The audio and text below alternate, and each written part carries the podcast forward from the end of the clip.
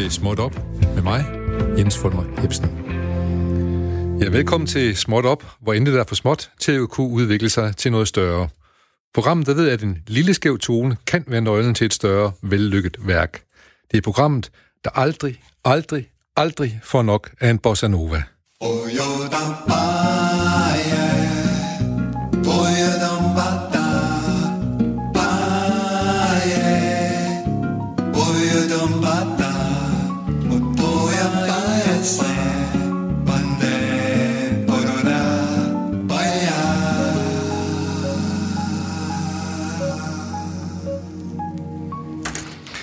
Ja, vær velkommen til denne herrens onsdag i det mundt år 2020. Vær velkommen til en musikalsk time mellem 12 og 13, hvor vi godt kan gå hen og blive lidt åndelige, men også meget konkrete.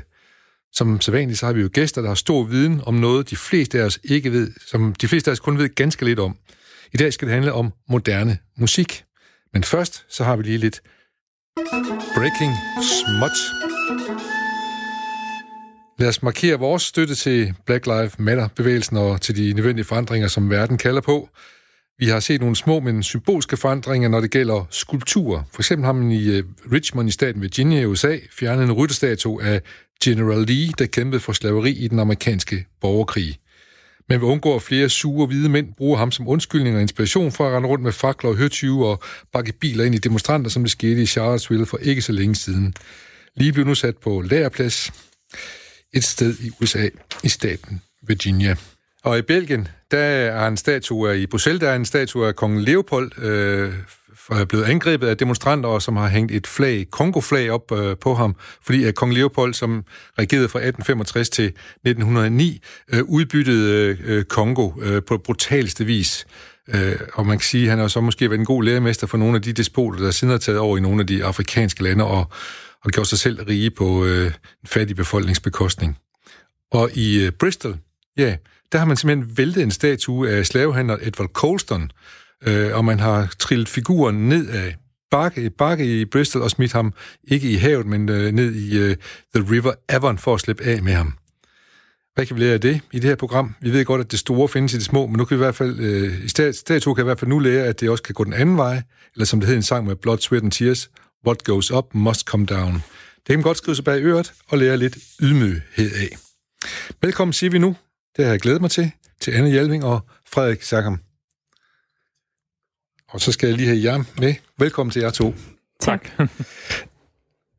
jeg skal høre, øh, I er begge to uh, musikere, men uh, for, når jeg kan starte med dig, Anne, uh, hvis, hvis jeg møder en musiker og spørger, så siger jeg, hvad, hvad, hvad spiller du? Så siger jeg, jamen jeg er jeg er guitarist i et rockband, eller jeg spiller tuba i et jazzorkester. Hvad siger du, hvis der er nogen spørger dig, hvad, hvad, hvad musiker er du? Jamen, jeg er klassisk trænet violinist, og har specialiseret mig i ny kompositionsmusik og performance. Det glæder mig til at snakke rigtig meget om. Og Frederik, hvad, hvad er dit svar, det korte svar? Ja, det er bare, jeg er musiker.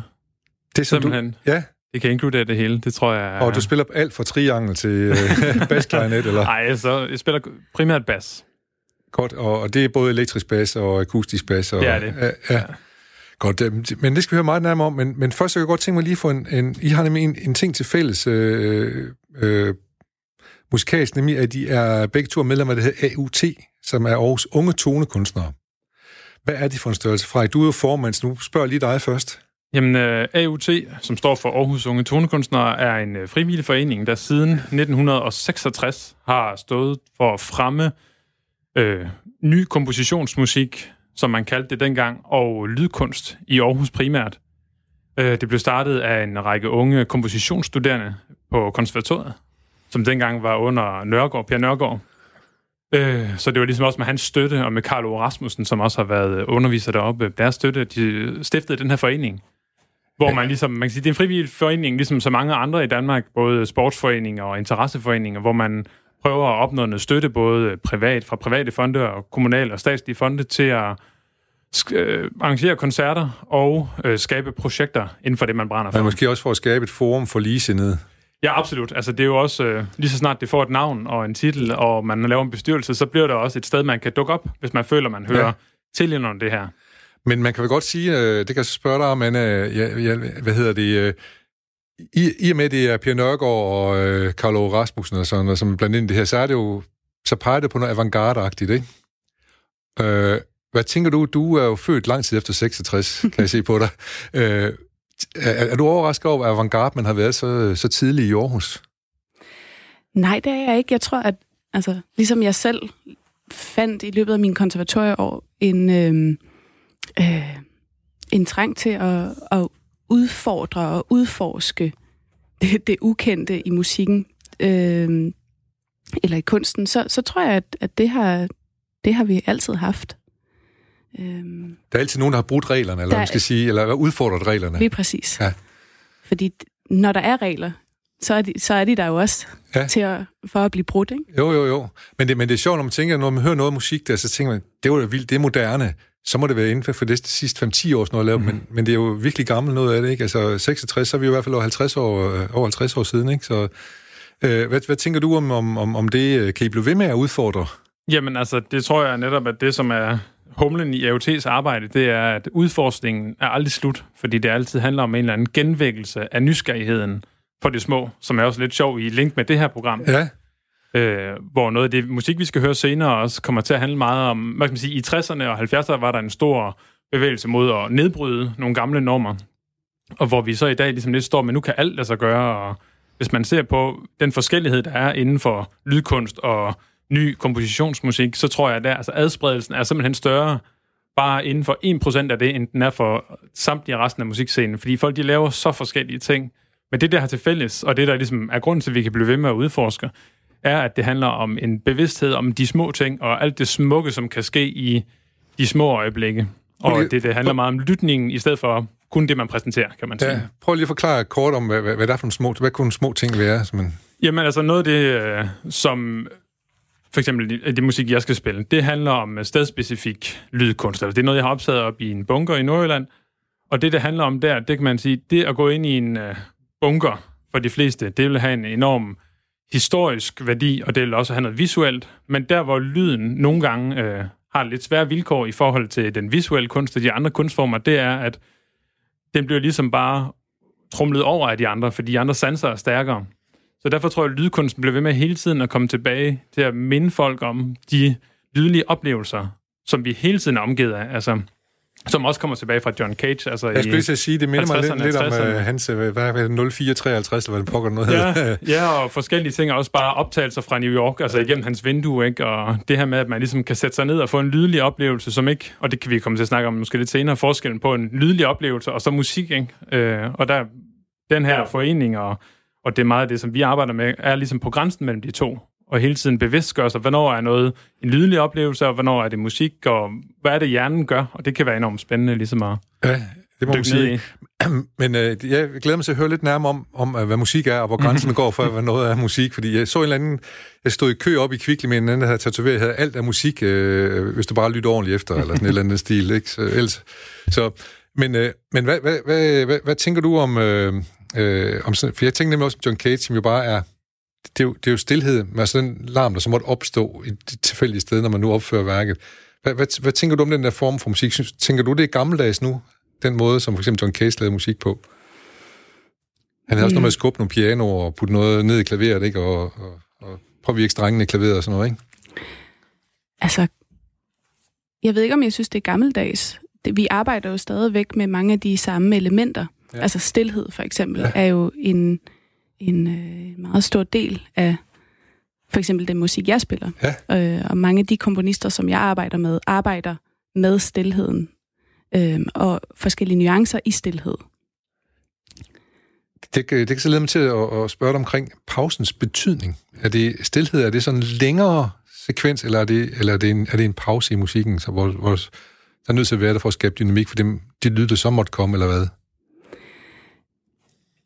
Og det er et svært spørgsmål. Mm, jeg tror, at, at jeg har en lidt poetisk tilgang til det. Altså, når jeg starter, quote unquote, ja. med at spille, øh, så kan jeg godt starte med stillhed. Okay. Men at når der er intention i en pause, så er, den så, er det så stillhed, eller er det musikken, der ligesom får lov til at klinge ja. videre inden i dig? Eller ja. det er, Stilheden er en del af værket, kan ja. man sige. Ja. Så tror jeg også, i forhold til stillhed, kan man måske lige tilføje, at det jo som oftest er en mental konstruktion. Fordi at stillhed er relativt. Altså, for en, der bor inde i byen, når der så ikke, hvis en baby holder op med at skrige, så kan man have følelsen af stillhed.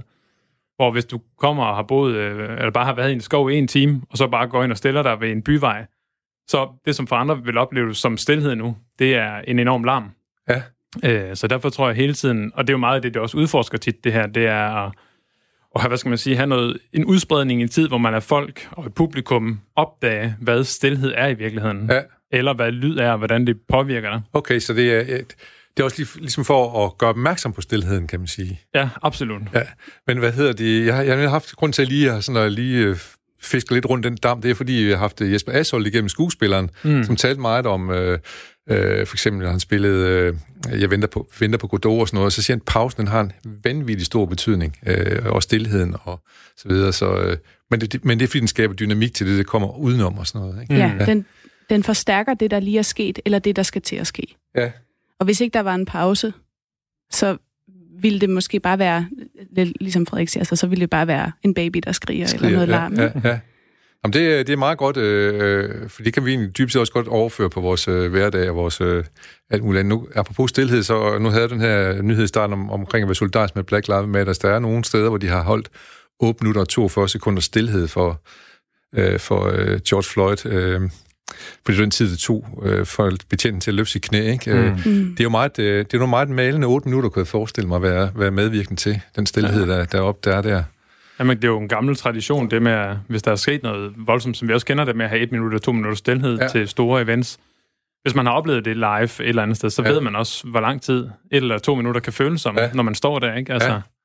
Og så får så så ikke tale om 8 minutter. Ja. Men har du prøvet at holde 8 minutters pause i nogle af dine stykker musik? Eller stillhed? øh, måske ikke lige 8 Nej, minutter, men, men, men øh, jeg arbejder lige nu med nogle soloværker for violin, der handler om stillhed. Ja. Og hvor man spiller kun med pianissimo nuancer, og hvor, hvor de små fragmenter af melodi, de bliver ligesom hævet ud af stillheden. Og de må ikke, de må ikke blive øh, kraftigere end pianissimo. Okay, så, så, så stillheden, det er en slags jord, hvor I, du har plantet nogle toner, der langsomt pipler ja. op. Ja. Nu er min mor desværre død, men hun vil nok spørge mig, hvad er pianissimo? Jeg kan godt regne lidt ud, hvad det er, men du må lige forklare, vi har nogle lyttere, måske ikke sådan helt. Jamen, det er jo også relativt. Ja.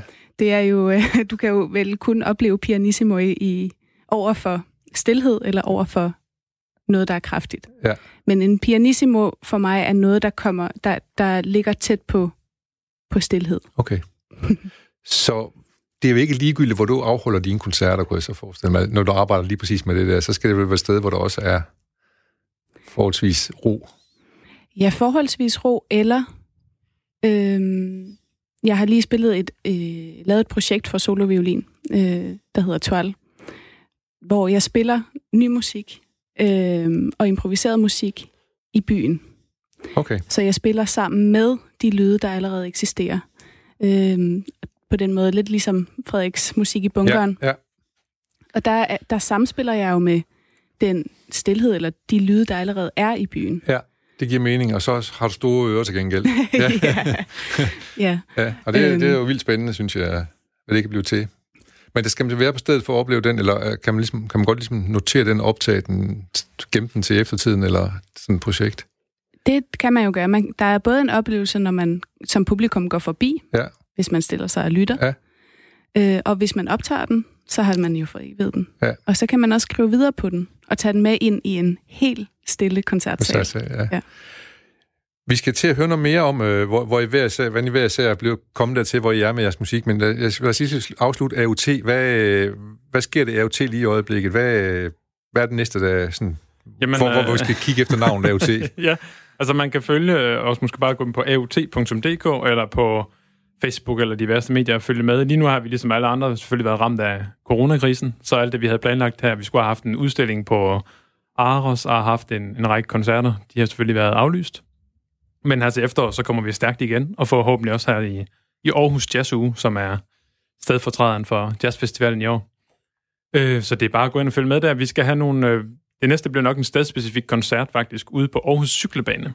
Nede i tunnelerne der, der er der en ret vild akustik, og vi prøver lige nu at få det til at blive sådan, at der også er nogen, der cykler rundt samtidig med, for netop at det her lyden af cykler, der kører om kap mod hinanden. Ikke? Okay, hvis vi sender på det tidspunkt, så tror jeg, vi gerne komme ud og optage det. Vi, ja. øh, vi har lige været ude og optage Nils Fredborg ude på cykelbanen, faktisk. Ja. Hvis man går frem til at cykle samtidig, det var skræmmende olympiske mester, så vil det give en ekstra dimension til det værk, der vil jeg sige. Nå, men lad os prøve at høre noget musik. Øh, øh, Anne Hjelming, vi skal starte med, med dig. Ja. Øh, hvad er det for et stykke musik, du har medbragt til os?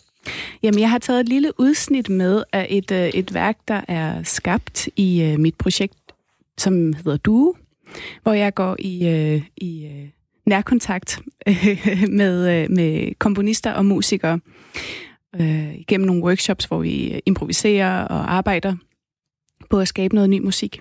Og det her det er fra Du 1, sammen, hvor, hvor jeg spiller sammen med Sofie Torsbro Dan.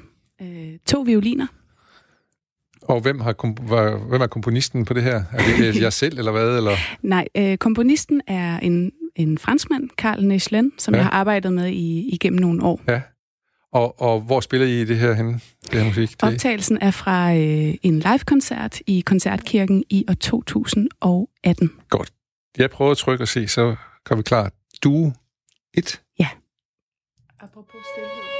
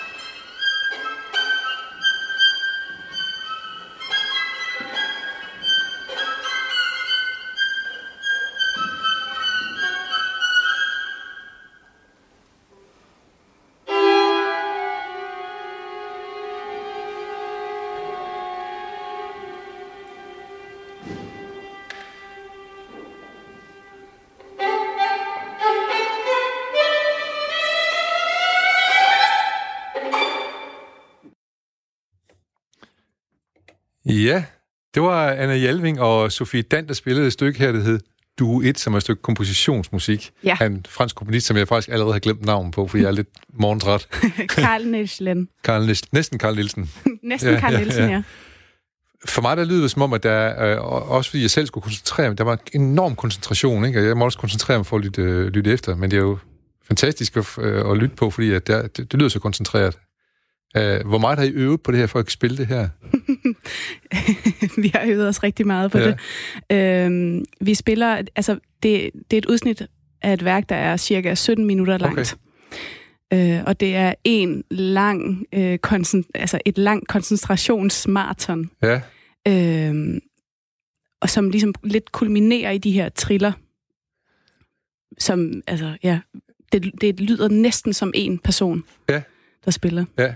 Og så, øh, og så tænker jeg, at det her, hvis vi spiller en koncert mere i Aarhus for eksempel, eller i Luxembourg, eller i, hvor det nu måtte være, vil den så være en som den her? Nej.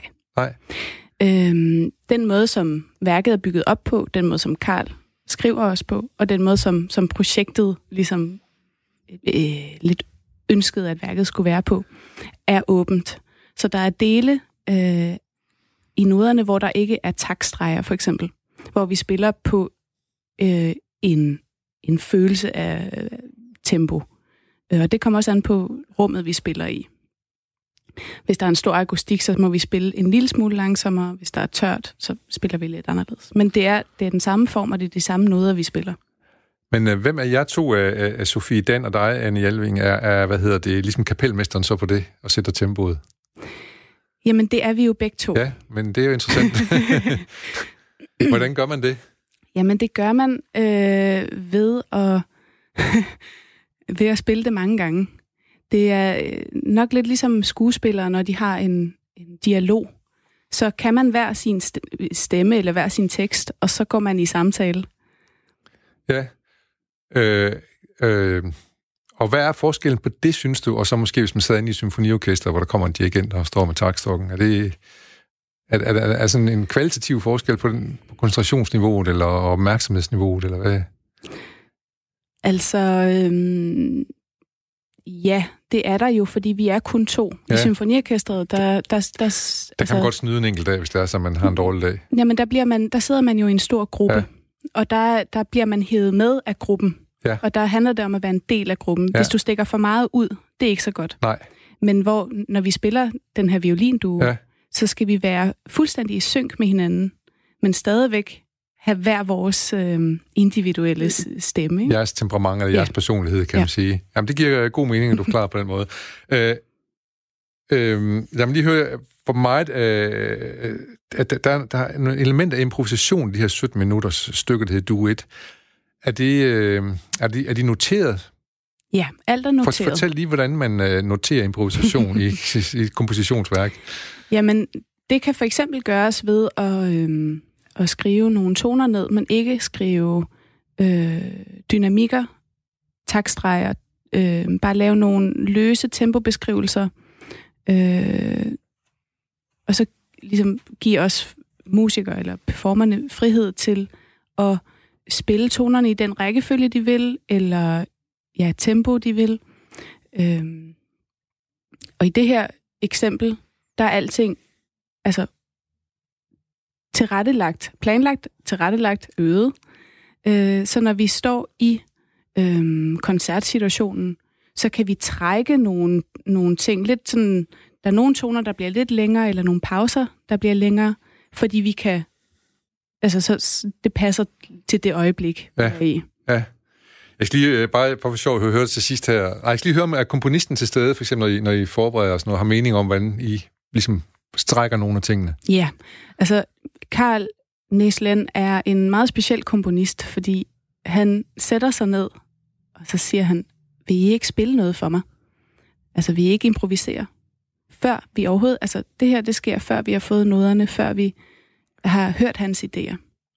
Og så lytter han, så sætter han sig ned, lukker øjnene og lytter. Og I ved ikke på forhånd, I to I skal spille noget sammen, som han beder jer om?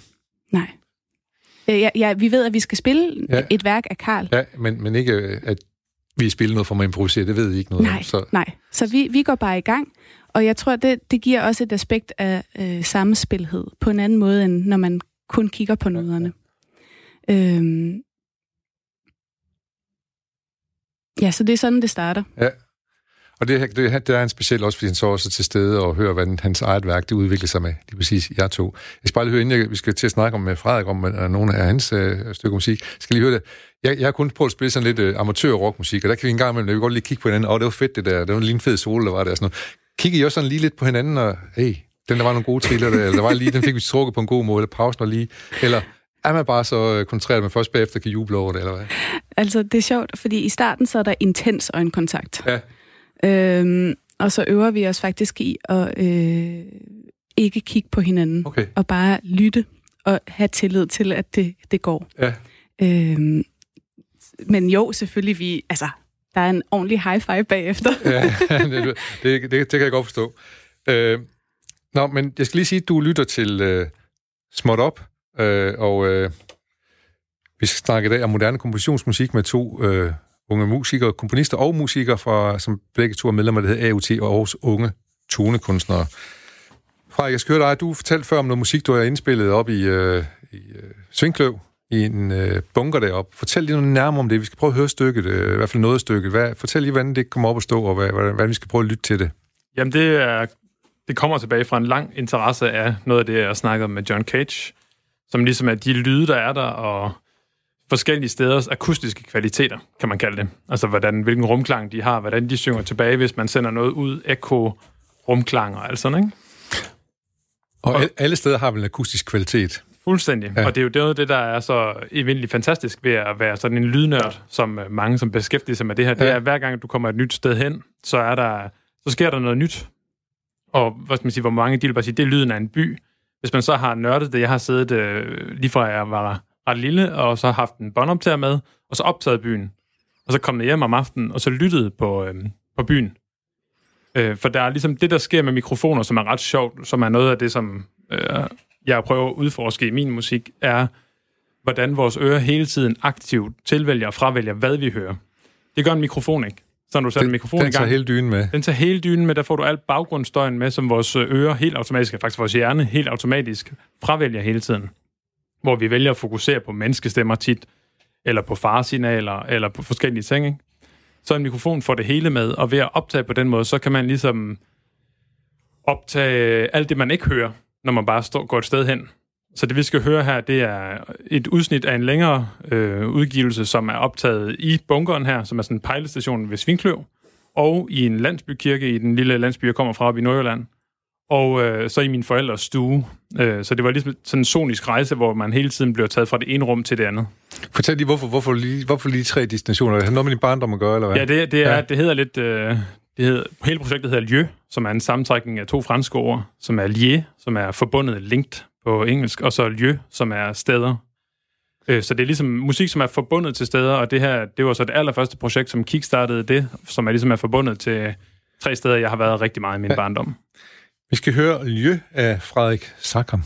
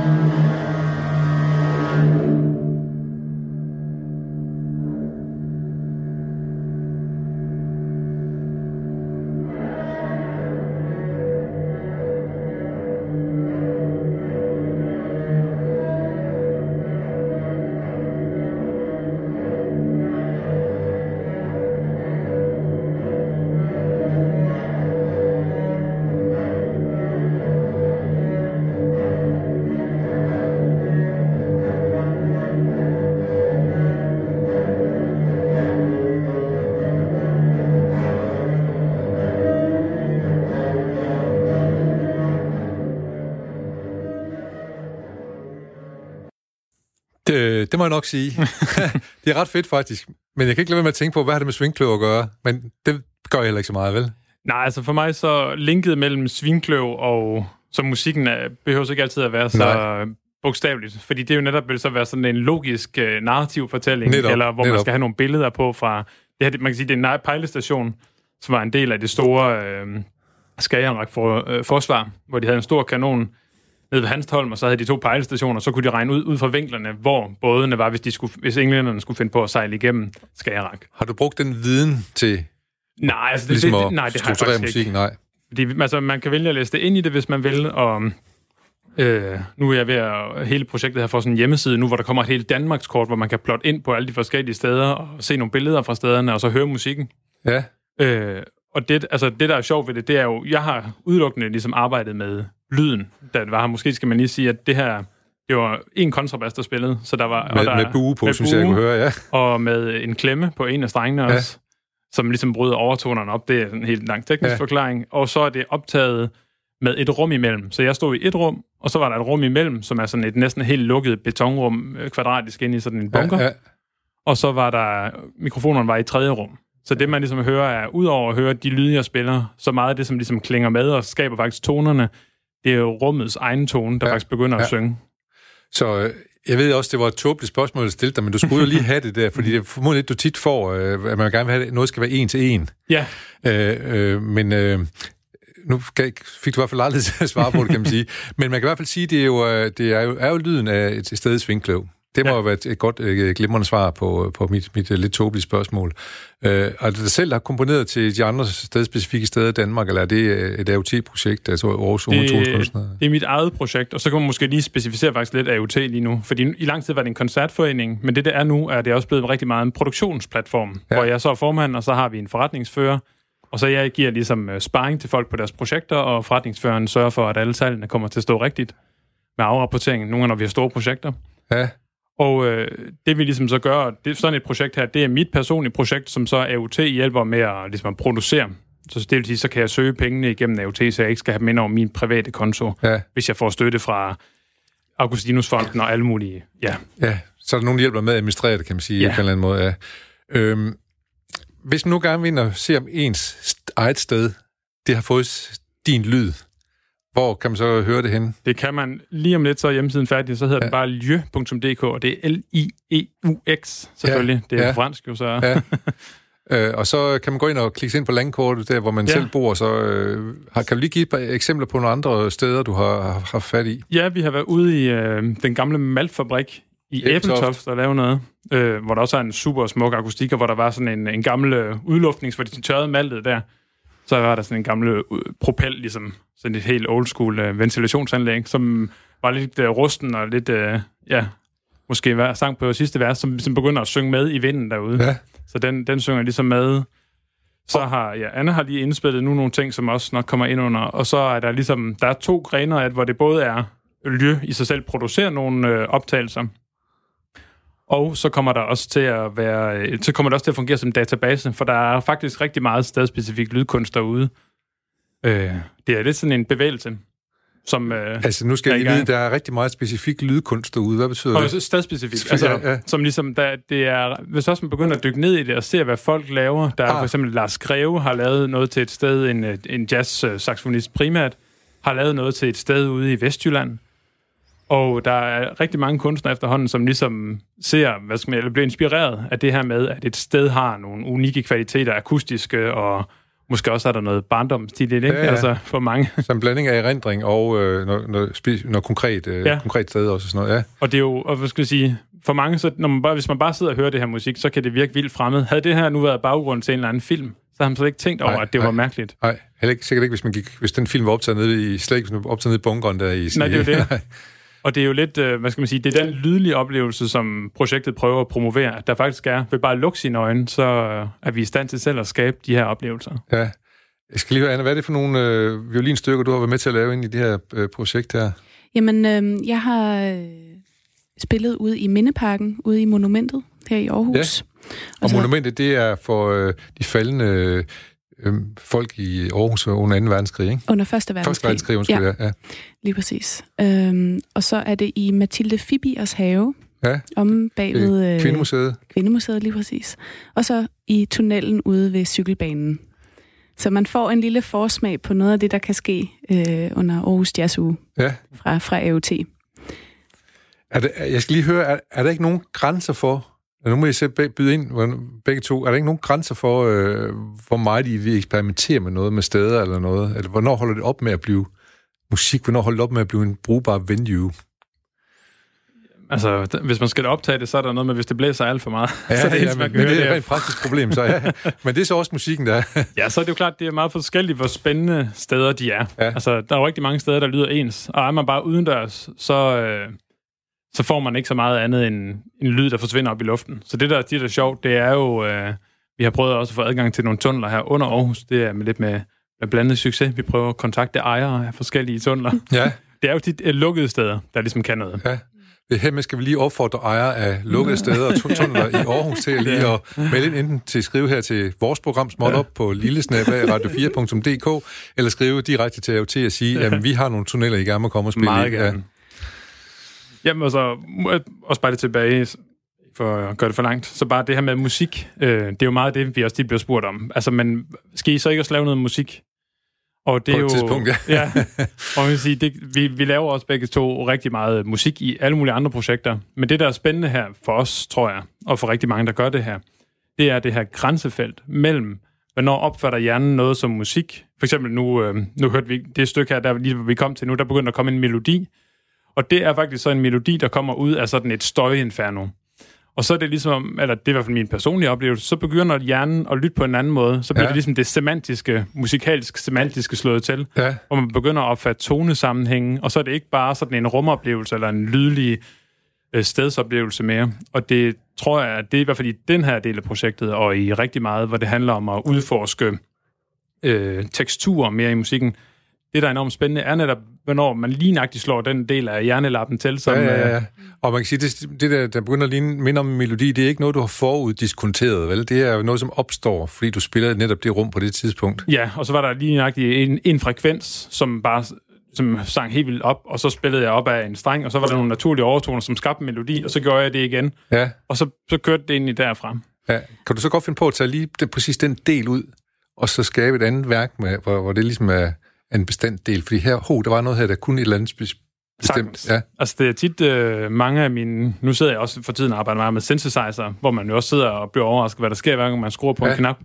Og meget af det musik, jeg ender med at få lavet, kommer af de uheld, der sker. Skal man sige, det jeg så tager videre, som er mere sådan normal musik, kommer af de effekter, jeg opdager, og alt den... Øh, øh, og de overraskelser og de nye sammenhæng, der kan ske, når man netop eksperimenterer. Det er jo mange af de samme lytte, lytteteknikker, der bliver slået til med den nedskrevne kompositionsmusik, eller den nedskrevne nye musik. At, at hjernen, eller man begynder netop at, at, at høre nogle sammenhænge, eller nogle melodier, øhm, som på en måde er, er øhm, tilfældige. Ja. Eller som er meget individuelle. Ikke? At du, det kan være, at du hører en melodi, og jeg hører en anden melodi. Ja. Eller jeg lægger mærke til det rytmiske aspekt, eller nogle helt andre ja. ting. Det, det, er, det, er, det er sådan et projekt, har jeg nemlig lige været involveret i, faktisk. Øh, som handler om, at jeg sendte amerikansk musik ud med en sang rundt omkring i verden, så har jeg bedt forskellige musikere rundt omkring i verden spille hans sang. Og så, hvad, hvad de så har de så spillet, hvad de har hørt i den, og det er jo vidt forskellige, øh, hvad de mm. hører i. Når du siger det her med, at hvad hedder perception, hvad sådan noget hedder, det er... Øh, vi aktiverer den individuelle individuel, lytteoplevelse, ja, ja, ikke? Eller ja, den ja. individuelle lytten. Ja. Og det er jo, det men, synes jeg er meget... Men tror du, det er noget nyt i kompositionsmusik, eller har det altid været, så man bare bevidst om det nu? Jeg tror ikke, det er noget nyt, og jeg tror heller ikke, ja, det er noget, noget nyt, at, vi, altså, at det er en ny opdagelse, nej. At, at det er nej, okay, sådan. Nej, men, men sådan er det, øh, ja. Det, det, det er ret sjovt at tænke på den måde der, at vi måske... Øh, men, men det, det er nysgerrig efter nu her, vi prøver at tale om, det er det der med, jeg går til at blive med forfølge med grænser. Er der ikke nogen grænser for, hvad, hvad man vil? Fordi det virker som om, I, er, i hvert fald er grænsesøgende, både med jeres musikalsk udtryk, men også i jeres nysgerrighed. Så øh, jeg kan stille spørgsmål på en anden måde. Er Danmark stor nok til at lave det, I laver? så man kan leve fornuftigt af det? Nej.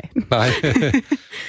Nej, det er den ikke. Øh, men, men man kan også måske vende lidt væk fra sådan et øh, økonomisk aspekt. Ja, og så tænker, sige, øh, ja, ja, netop. At, at, øh, at vi er jo heldige, at vi har samarbejdspartnere i mange altså i hele verden. Ja. Øh, Øh, undskyld, jeg, jeg burde stille spørgsmål sådan, at Danmark stor nok til, at jeres nysgerrighed kan blive øh, piret nok? det er den måske, men der sker ja. også bare så mange spændende og inspirerende Ja, ja, ting ja. ja. udenfor, ikke? Som, som i hvert fald jeg Benytter benytter mig Ja, ja. af. Ja. Øh, jeg kan godt tænke mig lige... Øh, øh, du har taget en del, øh, du har været en del udland, det har I begge to jo. Du har boet, øh, Frederik har boet i, i Frankrig i tre år, ja. og du har blandt andet boet et år i Vancouver i Canada. Ja. Og så øh, har du haft en masse masterclass. Kan du ikke lige prøve bare lige læse navnene på de violinister, som du har haft masterclass hos? jo, det her det er et lille udsnit ja, af dem. Uh, nu skal vi se her. Jeg læser dem bare op. det er det som bare op.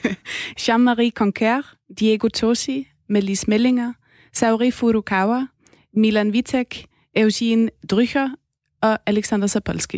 Fantastisk. Jeg synes, dengang jeg så det inde på en hjemmeside, tænkte jeg, det her, de her navne, det lyder som musik. Så jeg tænkte, jeg vil spørge, bede om at det op, så jeg kunne Et- fornemme musikken i alle de her navne her, som havde undervist dig. Og nu er et nyt øh, lydkunstværk skabt. Dan, være skabt. Ja, så kan I måske putte ind på det landkort og så sige, at det var inde i, på Banegårds Ja. i Aarhus. Det, det, det er siger. Men hvad betyder det for dig, at du øh, møder øh, øh, hvad skal man sige, både kollegaer og lærermestre ude omkring i verden? Jamen, det betyder rigtig meget. Det er jo, det er jo både øh, nogen, der, nogen, jeg kan spørge til råds, nogen, der kan, øh, hvor vi kan have en samtale om de, øh, de øh, ligesom ergonomisk bedste måder at få den her specifikke lyd frem på. Øh, og så bare øh, ja, dele vores glæde ved den her øh, sjove, lidt komplekse musik. Ja. Men, men også øh, bevidsthedsmæssigt, det, det, der må jo også være en del, man får foræret der, fordi der må, der må være en tankegang, som er meget langt fra vores nordiske tankegang, kan man sige, som, hvor du så kan komme med din nordiske tankegang og stå sammen med noget, som måske er asiatisk eller et eller andet. Eller... Ja, altså øh, noget af det, jeg bliver mest inspireret af, det er de her øh, arbejdsmetoder og arbejds, ligesom, øh, altså i udlandet, der er bare en intensitet og en, en stræben efter kvalitet, øh, som, som vi kan lære noget af, også herhjemme. Ja, jeg, altså, jeg er nødt til, fordi jeg bruger det her program til ligesom at, at, at skabe sammenhæng i mit eget liv også, og i sådan det hele taget. For jeg kan huske, at jeg mødte den, den danske journalist Tom Buk-Swienty, som var taget til USA for at læse historie, fortalt, han, tror jeg, det var, på, øh, i øh, Kalifornien. Og så fandt han ud af, hvad det vil sige at gå på universitetet, da han kom derover. Så han, han tog simpelthen de næste fem år derovre, fordi øh, i det Danmark, der havde de ikke, der, havde han jo ikke, der var det ikke taget seriøst nok, det der studie der. Og det er lidt det, du siger også, at der, der er en disciplin til stede, som øh, man ikke, at du ikke har haft den tidligere, men man godt kan blive inspireret af. Ja, i hvert fald inden for ny musik og, ja. og sådan den her grænsesøgning. Ja, ja. Øh, og hvad med dig? Hvad, hvad får dig til at drage øh, til udlandet? Hvor tager du egentlig hen? Prøv at fortælle nogle steder, jeg vil, fordi jeg synes egentlig, Ja. det er ret imponerende så meget, at, altså, at verden er ligesom jeres legeplads, hvilket må være ret besværligt i de her tider. Jamen, det, øh, jeg har været øh, godt rundt omkring. Altså, som sagt, så boede jeg i Frankrig, og ligesom troede, jeg skulle blive boende der, indtil at, øh, jeg lige pludselig kom hjem igen. Men øh, der har jeg, så jeg har mange kontakter dernede, og arbejder stadigvæk meget professionelt i Frankrig, så jeg har spillet i de fleste øh, franske provinsbyer på teater. Jeg var med i nogle musikteateropsætninger, hvor, altså, hvor der både er musik og teater i en, men ikke en musical. Stadigvæk øh, musik, der minder mere om det, vi har hørt nu. Ja. Så der har jeg været altså i Clermont-Ferrand, Lyon, øh, Limoges, øh, Marseille, Aix-en-Provence, alle mulige, selvfølgelig Paris, Ja. Nordfrankrig, Belgien, Holland, Tyskland, Østrig. For, og, og der er et, faktisk, øh, du er selvfølgelig også nogle meget større lande, men der er et godt publikum for den her slags øh, musik også. Ja, nu måske aktivisten inde i mig, der lige skal nå at snakke lidt her på falderæbet, om at det, der er, øh, man op tit oplever udlandet, det er, at det har været en del af folks klassiske øh, europæiske kulturdannelse. Ja. At lydkunst og, hvad skal man sige, mere eksperimenterende musik ikke nødvendigvis er en grænse, fordi det er meget det, tit det, man netop bliver spurgt om i Danmark, når man skal I så hele tiden ud over grænsen. Og det handler jo bare meget om, hvordan man ser det. Og det tror jeg måske hænger lidt sammen med sådan en skandinavisk, øh, protestantistisk øh, Ja, vi, vi, vi, nyttetankegang. vi vil have orden der. Ja, og det skal, være, det skal nytte kasser, noget, ikke? Ja. Altså, Ja, øh, og det skal være mening med det, ja. men alligevel så laver vi jo masser af ting, der ikke nytter noget, Ja. ja. som bare er for lyst, ikke? Ja, Ja, øh, ja. Hvor at vi vil stå et slag for, at det her faktisk kan noget. Ja. Ja. Hvis man går ind i det, så er der enormt lang tid, hvor man ikke har behov for at investere særlig mange penge. Altså, det er et rum fyldt med oplevelser og værdi, som bare er der. Ja. Det, det venter Ja. ja. bare på, at man oplever så det, en, det kan både være en sanselig, en åndelig og en intellektuel oplevelse i en på en gang. Ikke? Ja. Jeg tror også, derfor jeg går og spørger ind til det, at, at, at øh, ikke at der skal være grænser, men at I netop øh, prøver at udleve, at der ikke er så mange grænser. Øh, Ja. Og begrænsninger måske i virkeligheden også på, hvad man kan tænke, øh, hvad musik er for noget. Mm. Øh, så det er jo, det er jo rimelig interessant. Hvad, hvad står den på nu her, Anna? Hvad står den på for dig her næste halvårs tid? Eller? Jamen faktisk, den her uge er jeg på et residency i Belgien, Ja. hvor jeg også har boet ja. øhm, et øh, sådan et øh, sammen hver for sig residency øh, med Karl, øh, hvor er vi er ved at udvikle et nyt værk for soloviolin. Og så øh, kommer der en masse spændende koncerter, nogle solokoncerter, nogle, øh, nogle øh, teater- og operaprojekter i efteråret, Som er i Danmark, eller hvad? som er i Danmark og måske i Belgien Ja. og måske i Luxembourg. Ja, Nu ja, må vi se. ja, ja. Hvad, hvad, hvor, hvad går lige i Belgien interessant? Er det fordi, der er nogle interessante mennesker nede, du arbejder sammen med, eller hvad? Ja. ja. Jeg har studeret øh, på en solistuddannelse i ny musik og performance Ja. ja. hos to ensembler i Belgien, ja. Øh, som altså er i verdensklasse Ictus Ensemble og Spectra Ensemble. Ja. Øh, og igennem dem har jeg fået nogle, nogle jobs, Ja. som jeg skal spille. Så må du jo lige, øh, når du kommer til forbi Bruxelles, lige gå forbi Kong Leopold-figuren og se, om der stadigvæk hænger et flag for Kongo hen over hovedet på ham dernede. ja. Ellers så må vi sætte det op så igen. sæt det op igen. Ja. øh, og, og Frederik, hvad, hvad har du af projekt? Du, er også, du spiller jo også jazzmusik jo i, i Aarhus Jazzorkester og sådan noget, så det er jo ikke kun... ja, øh, det er vist ikke noget at snakke om. nej. Men også hele, øh, hvordan jazz og klassisk musik øh, nærmer sig mig. I hvert fald dem, som det, kan, det eksperimenterer. kan du godt lige nå nu, det har du to Okay. minutter til, ja. Jamen altså, det er jo bare, det er noget af det, der er spændende at se i dag. Det er, hvordan jazzmusik og klassisk musik nærmer sig hinanden. Hvor kan man sige, dem, der eksperimenterer, de øh, får begge lejre, de finder ud af, at de faktisk er interesseret i de samme ting. Og så glemmer man de gamle skæld, som blev cementeret stærkt i 60'erne og 70'erne. Og det er også mange økonomiske spørgsmål, hvor man, hvis man laver klassisk musik, så kan man få store beløb fra fonden, og hvis man laver jazzmusik, så har det, og der er jo også øh, alt muligt i forhold til Black Lives Matter, man kan sige. Ja, Ja. Respekt for alt muligt. Men i hvert fald, så spiller jeg også jazzmusik, og spiller med Aarhus Jazzorkester, så der kommer en, en, nogle koncerter hver onsdag er det nu her, tror jeg, det er eller tirsdag aften, ned på øhm, spiselaget, hvor vi skal spille, få lov til at spille igen. Jeg har været ude og spille nogle skolekoncerter her under coronaen. Det var det eneste sted, hvor man måtte herover ja. som publikum. Ja. Og så, øh, ja, så har jeg faktisk brugt øh, coronatiden her til at lave rigtig meget nyt musik. Skrive, skrive nyt musik. Så det Ja. skal øves Ja. nu her Ja. og indspilles. Ja. Ja. Så, Også sp- spændende. ja. Øh, Vi havde jo en øh, gæst øh, tidligere, som spillede, havde, har spillet med en robot og jazzorkestret, faktisk. Ja. ja. Så, øh, så man kan sige, at der er nogle grænser der, der, der bliver mere og mere Ja. øh, slettet, udslettet der, ja. Øh, så, så man kan ikke spørge dig, hvad synes du er, er fedest jazzmusik eller, eller kompositionsmusik? Eller, øh, fordi det, Det hele er jo Ja. musik. det hele Ja, er jeg musik, har- ja, det er det, vi blev enige om ja. på start af, ja. Tror, med citatet ind på faktisk AOT hjemmesiden er noget med, at øh, grænser er for tabere, og god musik er for vinder.